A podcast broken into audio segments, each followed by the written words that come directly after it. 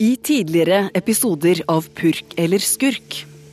Sentral politileder siktet for grov korrupsjon. Skal ha vært med på å smugle 14 tonn narkotika. Dette er jo den alvorligste tiltalen som er presentert for en politiansatt noen gang i norsk historie.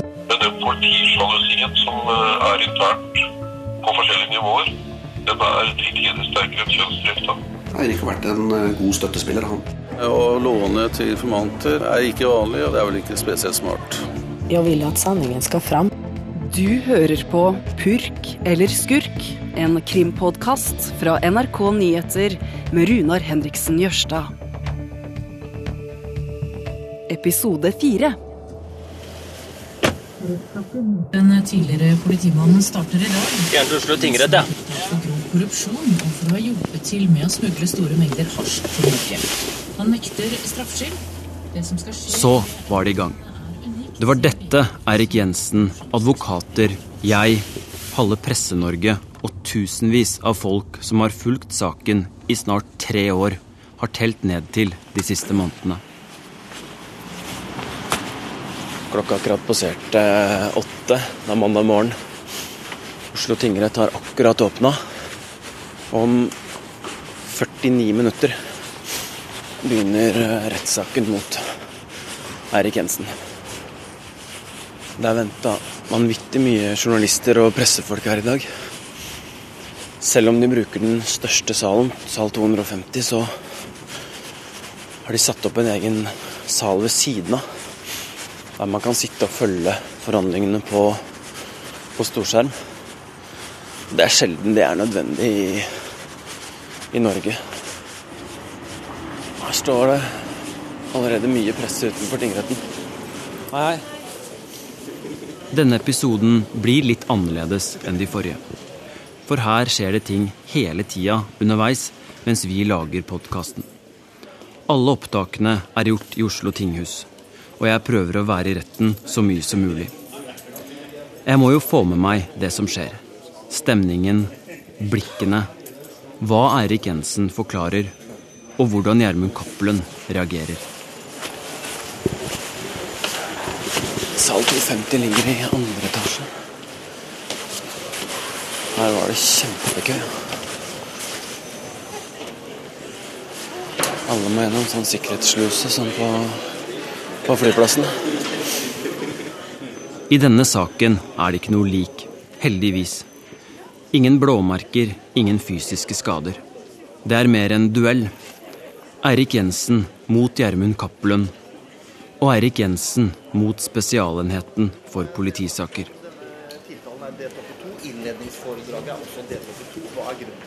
Jeg kan ikke gå inn på alt som har skjedd og blitt sagt den første uka. Men vi har snakka med mange folk. Folk som har ulike roller, men alle har sittet i salen og fulgt nøye med. Og i denne episoden skal vi prøve å svare på tre viktige spørsmål. Hva skal til for at Eirik Jensen blir dømt? Hvilke bevis mener Spesialenheten at de har? Og sist, men ikke minst, hva har Eirik Jensen forklart? For første gang skal han fortelle om forholdet sitt til Gjermund Cappelen. Han skal også forklare seg om ting han ikke har sagt noe om i avhør. Dette er altså det som kalles for den frie forklaringa. Og der håper jeg han vil forklare hvorfor han har sendt så mange SMS-er til Gjermund Cappelen. Hva de rare tekstmeldingene betyr, og hva slags forhold de to egentlig har hatt. Men først møtet mellom den tidligere politimannen og narkosmugleren. Et møte Gjermund Cappelen har sagt ikke vil bli hyggelig. Et gjensyn Jensen i forrige episode hevdet han ikke hadde tenkt noe på. Vi starter der, mandag, første dag i retten. De har ikke sett hverandre på tre år. Nå har tiden kommet. Klokka er snart ni, og Eirik Jensen og forsvarerne hans brøyter seg vei gjennom flere titalls fotografer og journalister for å komme seg frem til plassene sine inne i rettssalen. Greit å stille deg et spørsmål, Erik. Jeg svarer ikke på noen år. Greit. Det, det vi tillot nå, var bilder, holdt jeg på si, så det, ja, det blir mye. Jensen kom jo først inn i rettssaken før Gjermund Cappelen. Gikk og fant plassen sin og så på fotografer og journalister. Men så kom Gjermund Cappelen inn i retten, og da var det som å se en kar som var på jakt. Plutselig forandra blikket til eh, Jensen seg. Han ble helt skjerpa. Så fælt på Cappelen, og det stirra nærmest på han. Og jeg skal ikke si hva Erik Hensen tenkte, men eh, det var et ganske hardt og et ganske hardt blikk han sendte Cappelen. Så ikke ut som Cappelen møtte det, siden han da var på vei til sin plass, men eh, etterpå så skua de litt mot hverandre. Ser ut som begge føler seg eh, rimelig pressa. Kan godt hende at de er kampklare begge to. Men eh, det lukta nerver og spenning og Da er retten satt. Oslo tingrett skal behandle straffesak mot Gjermund Cappelen og Eirik Jensen. Mitt navn er Kim Heger, og jeg er dommer her i Oslo tingrett. Og før en rettssak er ordentlig i gang, er det en del formaliteter som må på plass. Gjermund Cappelen, vil du reise deg opp? Ditt fulle navn, det er Det er noe som heter yrke, som vi pleier å spørre om. Jeg har ikke, har ikke noe yrke. Nei. Skal vi rett og slett si um, arbeidsledig? Ja. ja. Eirik Jensen, vil du reise deg opp? Ditt fulle navn, det er altså Eirik Jensen. Er din stilling, hva er det? I dag er den pensjonist. Du er pensjonist? Ja. Før det så var det en stillingsbetegnelse? Politioverbetjent. Og frem til du ble pensjonist, så var du suspendert politioverbetjent? Ja. ja. Og som venta svarte de to helt forskjellig på det viktigste spørsmålet. Jensen, erkjenner du deg skyldig etter denne posten? Nei. Nei. Gjermund Cappelen med de personalia som er eh, oppgitt. Erkjenner du deg skyldig eller ikke skyldig etter den tiltalen? Takk skal du ha. Lyden på Gjermund Cappelen var ganske svak her, men han erklærte seg altså skyldig. Det er i saken utarbeidet en felles fremdriftsplan, og vi er enige om eh, stort sett følgende. Retten har så vidt rukket å bli satt den første dagen, når et ukjent nummer ringer meg. Jeg prøver å sjekke i telefonkatalogen hvem det er, men det dukker ikke opp noe navn. Derfor sender jeg en SMS tilbake og sier at jeg er opptatt. Like etter tikker det inn en melding fra samme nummer. Han sier han har vært Jensens kilde i mange år. Tipsa om når det var narko på vei over grensa. Han er sikker på at Jensen er uskyldig. Litt senere kommer det en e-post fra en annen fyr. Også han sier han kjenner Jensen. Han påstår at han var informanten hans i årevis. Han er overbevist om at Jensen er skyldig. Jeg vet ikke om de snakker sant, men det er ikke poenget her heller. Grunnen til at jeg forteller det, er at jeg synes det er fascinerende å tenke på hvor mange som nå sitter og følger med på rettssaken. Nesten alle jeg snakker med, har en mening om Eirik Jensen. Om han er skyldig eller ikke. Og da er vi over på vårt første spørsmål. Hva skal til for at Eirik Jensen blir dømt? Vi begynner med da forsvareren hans, Jon Christian Elden, fikk ordet for første gang i retten. Et eh, spørsmål som er eh, stillet, eh, og det er vel medieskapt, er purk eller skurk? Purk eller skurk, sa du. Hvorfor det? Nei, det, er, det er et spørsmål denne saken. Er Erik Jensen den helten som politiet selv mener at han er, og som han har fått sine meritter for? Eller har han siden 1993 ved Cappelen spilt på styrkenes lag? Det er klart at Dette er et spørsmål for retten. Det retten skal ta stilling til, er imidlertid om det er sikkert og bevist at han er skyldig i denne narkotikamedvirkningen. Hvor viktig blir troverdigheten da? Troverdigheten er alltid viktig i en sak, men det er ikke troverdighet som skal være avgjørende. Det er om påtalemyndigheten har ført bevis for straffskyld. Jeg har huka tak i Inge D. Hansen, Norges mest erfarne rettskommentator, som nå er frilanser for Aftenposten og TV 2. I tillegg sitter Olav Rønneberg, krimkommentator i NRK, klar ved siden av Hansen. De to skal hjelpe meg gjennom denne episoden. Hva skal til da for at uh, Jensen blir dømt? Ja, det er andre bevis.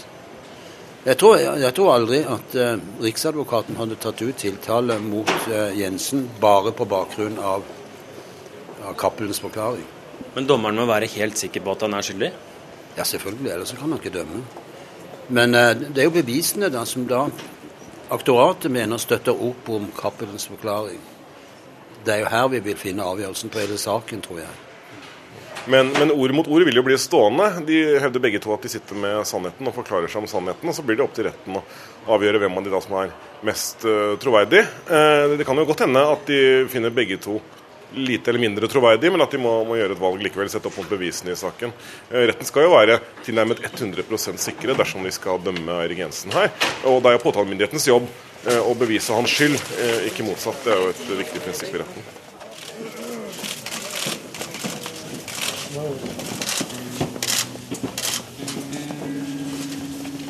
På dag to i retten, altså på tirsdag, fortsetter den litt rare, anspente stemninga inne i salen. Jeg har akkurat snakka med Gjermund Cappelin. Jeg hadde lyst til å stille ham noen spørsmål, men eh, det ville han ikke. Det er tydelig at eh, han merker at eh, rettssaken nå er i gang. Selv om han ikke ville la seg intervjue, så kunne jeg sitere ham på at han syns det er et realityshow. Det kryr jo av journalister og TV-kameraer og store linser overalt der, og det var tydelig at han ikke var forberedt på en så massiv dekning av, eh, av saken. Han sier at det ikke akkurat er noe behagelig å, å sitte her i retten, men at uh, han ikke har noe valg. Og så er det da tydelig at han mener at uh, mediene dekker den saken her i, i for stor grad. En av de mest omfattende rettssaker i Norges historie i gang. Vi starter eh, i Oslo tingrett. Tiltalt for hasjsmugling og korrupsjon. Tre år med etterforskning. Og meldingene hun mener er tips fra Jensen om narkotikatransporter stansa i tollen. Jensen har jo selv sagt at det er, et, det er snakk om liv og død. Hvor viktig er det for Jensen å kunne forklare hva disse pengene har gått til? Vi kommer snart til Eirik Jensens forklaring om bl.a. de pengene. Men først skal vi innom det andre spørsmålet jeg stilte i starten av episoden. Noe jeg også lurte på lenge før rettssaken starta. Hvilke bevis har Spesialenheten mot Jensen? Jensen har, benektet å ha mottatt noen økonomisk fordel av Cappelen.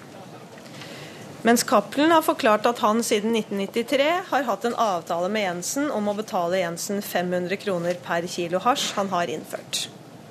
Det her er Guro Glærum Kleppe. Hun er assisterende sjef i Spesialenheten for politisaker. På tirsdag gikk hun gjennom det de mener er bevis på at Erik Jensen er korrupt.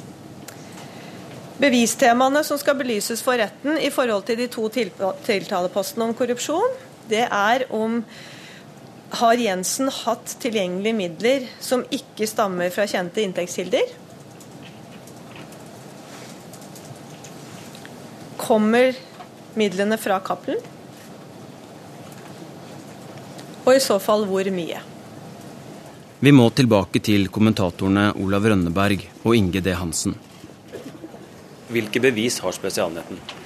De har Gjermund Cappelunds forklaringer, så må de sette andre bevis for å styrke den. Da har du disse tekstmeldingsdialogene, 1500 i tallet. Du har kontantomsetningen til Eirik Jensen. Eh, og du har eh, funn av kontanter hjemme hos han i veggen f.eks. Og byggingen av et baderom som Spesialenheten mener er eh, verdt rundt 300 000, og de mener at det er Cappelen som bygde og betalte for det. Innimellom er jeg glad jeg er journalist, ikke dommer. Men tilbake til sal 250 og det jeg var mest spent på denne uka. Eirik Jensen sin forklaring. Jeg merker jeg må gå over til presens fordi jeg blir litt gira.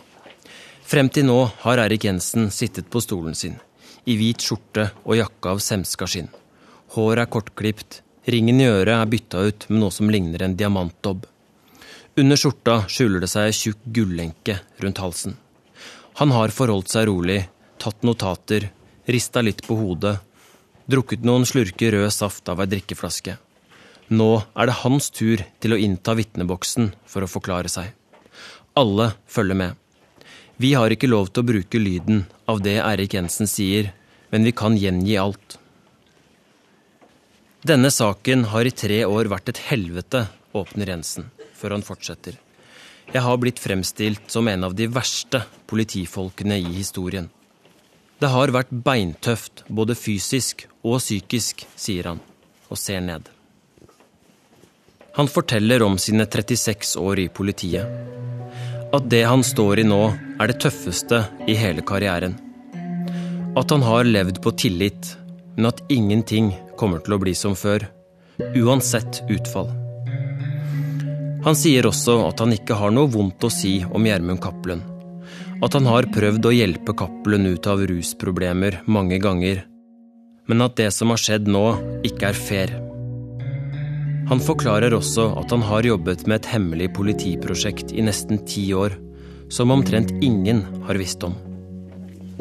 Det er jo kanskje det mest uavklarte etter denne første rettsuken hva dette hemmelige politiprosjektet egentlig er for noe. Han sier at det var klarert på toppnivå i norsk politi, men at nesten ingen visste om det. Eh, men hvis dette skal tillegges noe verdi når saken skal tas opp til doms, så må jo retten få vite noe mer om hva det var, hvor lenge det pågikk og hvem som var involvert. Slik det er nå, så har det liten verdi i forhold til retten når de skal eh, ta saken opp til doms.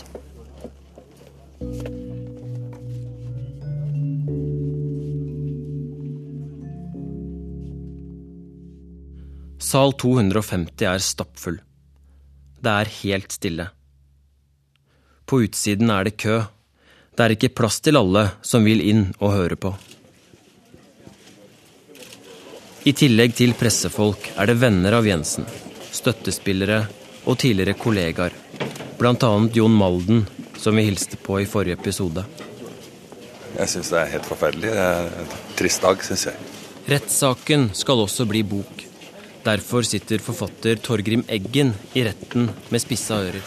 Jeg har en notatbok, og jeg har en eh, diktafon. Og briller. og det planlegges TV-serie og film. Jeg driver og skriver på en eh, film, eller er i innspurten på et filmmanus eh, som har en eh, karakter som eh, kanskje er litt inspirert av Erik Jensen. Sier filmskaper Ulrik Imtias Rolfsen, som også er på plass. Han eh, er jo ganske annerledes enn jeg husker ham. Eh, jeg husker han som en ganske sånn eh, breial og, og tøff type. Veldig veldig selvsikker og hadde svarene på alt. og, og visste alt, på en måte. Han virker som han har skavet av en del av det der ytre for å virke mer medgjørlig, kanskje. da. Klippa hår og han ser liksom Noen av de som har dukket opp hver dag, hadde aldri vært i en rettssal før.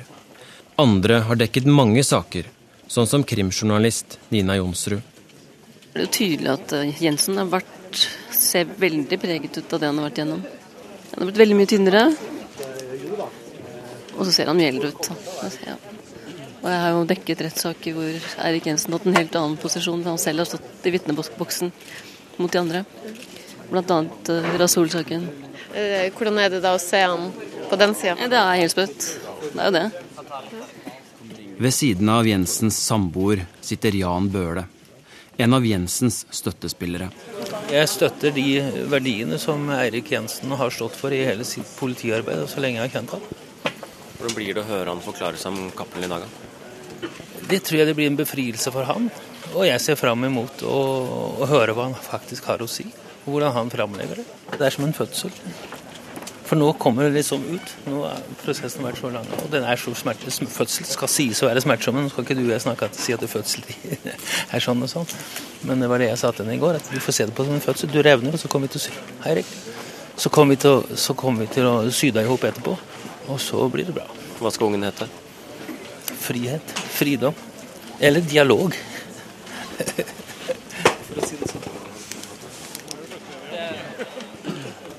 Vi er altså på dag tre. Eirik Jensen har virka spent de to første dagene også, men i dag klarer han ikke å sitte stille. Han tripper rundt og venter på at dommeren skal komme inn og sette retten. Fikler med drikkeflaska, søler litt før han tar seg en slurk. Om noen minutter skal han sette seg i vitneboksen, skru på mikrofonen og snakke om det han trodde han aldri måtte røpe nemlig sitt forhold til Gjermund Cappelen. Jensens versjon av sannheten. Han har ikke villet si noe til pressen så langt denne uka. Men siden alle de andre journalistene står borte hos Cappelen, spør jeg om jeg kan stille han et spørsmål. Det er greit. Hvordan blir det i dag? Tøft. Gruer deg? Så tar han plass og fortsetter forklaringen der han slapp dagen før. Jensen sier Jeg skal snakke om noe som er uhyre vondt for meg, men det er noe jeg må gjøre. Det bryter med de grunnleggende reglene for informantbehandling og er den vanskeligste beslutningen jeg har tatt noensinne. Det betyr også at jeg legger litt ansvar på Spesialenheten for hans videre liv. Min relasjon til Cappelen har ikke vært noen hemmelighet. Det er mange som har stiftet bekjentskap med han. Han gikk under betegnelsen GT007 da han for første gang ble registrert i informantregisteret, sier Jensen. Cappelen sitter bare noen meter unna og hører på. Titter litt på Jensen før han snur seg og ser bort. Noen ganger rister han på hodet. Han har jo tidligere nekta for å ha vært informant. I neste pause hører jeg med han om han vil kommentere det Jensen har sagt. Det vil han ikke. Derfor spør jeg forsvareren hans, Benedicte Wibe. Hvorfor har Cappelen dratt Jensen inn i denne saken her? Ja, Det vil eh, Cappelen selv forklare når han skal forklare seg. Jeg syns det er riktig å vente til hans forklaring kommer. Ellers så har jo drypp av begrunnelse begrunnelser for dette kommet eh, flere ganger tidligere. Var det i frykt for å bli blåst som informant at han frykta konsekvensen av det? Nei, overhodet ikke.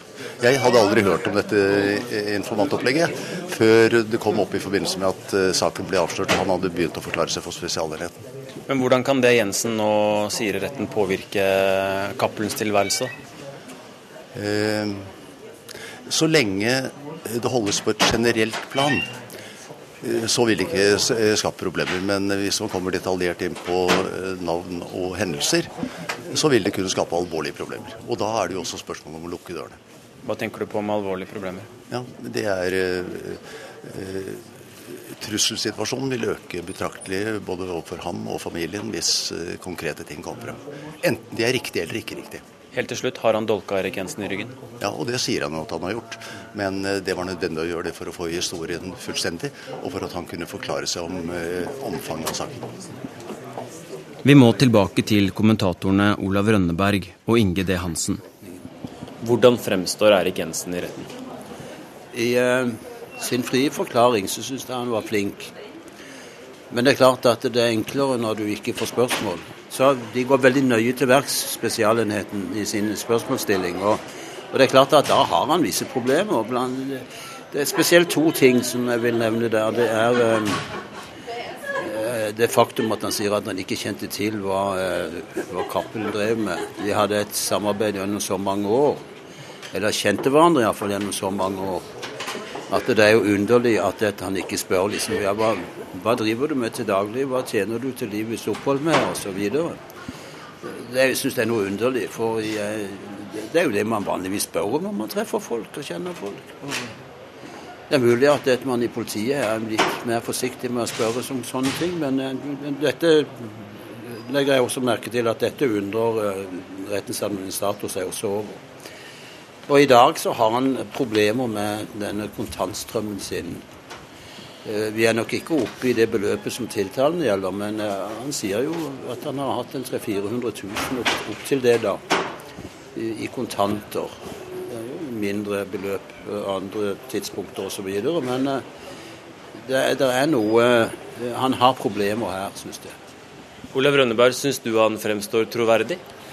Han har jo, som ikke sier, problemer med å forklare seg på deler av det han blir spurt om. Eh, han fremsto offensiv og kampklar under sin frie forklaring, men det har blitt verre for han nå etter hvert som utspørringen har blitt mer intens. Og så syns jeg han litt lett lar seg irritere av aktors spørsmål, og det gjør at han roter seg inn i ting han ikke hadde behøvd å rote seg inn i. F.eks. så ble han jo spurt om fantes det flere penger hjemme hos deg enn de som ble beslaglagt. Har du gjemt unna flere penger? Og det svaret varierte fra ja til vil ikke svare på det, til nei. Det var forholdsvis enkelt spørsmål å svare ja eller nei på. Men hvordan kan han ikke ha visst hva Cappelen drev med? Det er ganske utrolig for mange. Cappelen har jo vært under etterforskning flere ganger uten at de har fått noe på han. Eh, men eh, aktoratet her vil jo beskrive et forhold som har vært mye tettere enn det Eirik Jensen selv vil innrømme. Og mange syns det er påfallende eh, at han ikke engang har spurt Cappelen hvor får du pengene til forbruket ditt fra, luksusforbruket. Hvor får du pengene til narkotikaen din fra? Eirik Jensen sier at det ikke var hans jobb å spørre, så får vi jo se hva retten mener om det. Men nei, Du kan jo se det på en litt annen side òg. Hadde han spurt Cappelen og hva han drev på med, så hadde han vel neppe fått til svar at han var Norges største hasjsmugler. Jensen og Cappelen har kjent hverandre i over 20 år. De har hatt mye kontakt. I retten bora Spesialenheten i hvorfor de to sendte hverandre så mange tekstmeldinger. Og spurte og gravde om hvor den tidligere politimannen fikk alle kontantene sine fra. Jensen svarte. Han mener at han hadde kontakt med Cappelen fordi Cappelen var en viktig kilde for han. Eh, ikke en informant som hadde informantstatus, for da er det helt andre regler, sier Jensen. Men han var en viktig kilde som bidro med opplysninger i mange forskjellige saker. Men Jensen er jo veldig tydelig på at eh, kontakten ikke var personlig, at de hadde sosial omgang f.eks., men at de hadde et profesjonelt kilde-politiforhold. Så var det SMS-ene. Etterforskerne har gått gjennom 1500 tekstmeldinger. Stille og sol, skrev Jensen til Cappelen og fint vær. Gjermund Cappelen mener dette betydde at det var trygt å frakte hasj over grensa eller ta den imot i Norge. Feil, sier Jensen. Han forklarer at dette er positive meldinger. At det betyr at en person kan kontaktes, eller at han er tilgjengelig for Cappelen. Både Erik Jensen, Gjermund Cappelen og flere vitner skal si mer om dette kodespråket senere i saken. Spesialenheten mener at Eirik Jensen har brukt mer penger enn det han kan ha tjent lovlig. Feil, sier Eirik Jensen, men hvordan forklarer han hvor disse pengene kom fra? Han forklarer at han i 30 år fra han var 16 år jobbet som dykker ved siden av jobben sin, og at han tjente penger på dykkeroppdrag. Han kunne tjene opptil 7500 på et enkelt dykkeroppdrag. Han forteller at han var kremmer på si, kjøpte og solgte gjenstander, eh, og bl.a. så kjøpte og solgte han motorsykler som han reparerte. Han hadde et par biler som han omsatte. Så han mener at dette har sin helt naturlige forklaring. og I tillegg så mener han også at han arvet penger fra foreldrene. Han hadde snille foreldre, som han sier, som hjalp han med, med penger. Kan dette bevises? Eh, langt på vei så har jo man ingen dokumentasjon på dette det er så langt tilbake i tid at man må enten velge å stole på Jensens forklaring eller ikke. Eh, det er klart at hva han har eh, kjøpt og solgt av biler for ti år tilbake er vanskelig å, å dokumentere. Og iallfall denne dykkeroppdragene kan man jo ikke dokumentere. Så da må man enten forholde seg til det Jensen sier, eller så må man se bort fra det. Hva er du mest spent på? Det blir en lang sak. Mest spent på resultatet, for det er svært sjelden Altså Vi som pleier å gå mye i retten, vi har jo ofte en magefølelse hvordan dette ender. Det har ikke denne saken. altså. Er det sant? Ja, det er sant. Hvorfor ikke? Nei, fordi at det, det er umulig å, å, å, å, på det nåværende tidspunkt å si noe som helst om utfallet. Det er hva med deg, Ola? Det er sant det Inge sier her, at vanligvis har man en liten følelse av hvilken vei vinden blåser, men her er det 50-50, vil jeg si nå, om man blir dømt eh, eller ikke. Mange som spør meg, både på trikken og på jobben, om hva jeg selv tror. Jeg er i sterk tvil om hva jeg tror, så vi får vente og se hva retten kommer til. Spennende blir det i alle fall. Jeg har sagt det samme, men jeg trodde dere var litt smartere enn meg. Jeg tror Det kan godt tenkes. Men jeg tror de fleste kommentatorer og, og, og, vi ser på våre kolleger, og vi skal nok være forsiktige med å, felle noen konklusjon på forhånd her før vi har hørt alle bevisene og, og forklaringene i saken. For det kan, eh, det kan, skifte retning fort her. Det er mye igjen. Husk på at vi har mesteparten av Jensens forklaring igjen og hele Cappelens forklaring igjen. Så det er mye som skal legges frem både for retten og for pressen her før man skal felle noen dom. Hva avgjør saken om man blir skyldig eller ikke? Det er det her bevisene som kan bygge opp om Cappelens forklaring. Og de vet vi ikke nok om ennå? Nei, det vet vi ikke nok om.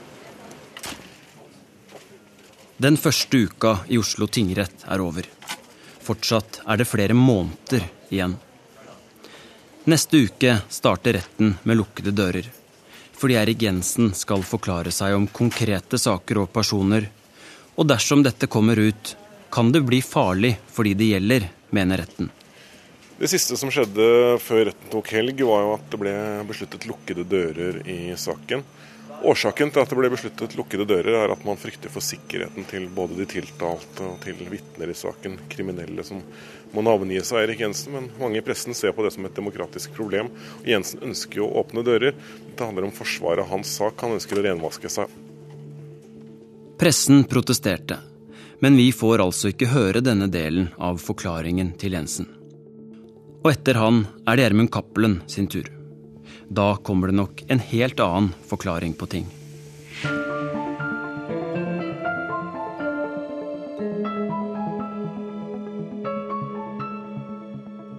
Siden vi ikke slipper inn i rettssalen i begynnelsen av neste uke, skal vi prøve å få tak i en fyr som holder til et helt annet sted.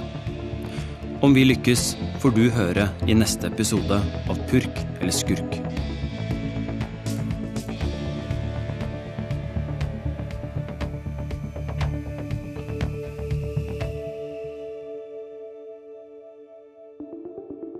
Som lager Purk eller Skurk, heter Runar Henriksen Jørstad, Lillian Grønning, Martin Giæver og Irina Kjelle. Musikken den er av Jane Kelly og Sindre Hotvedt.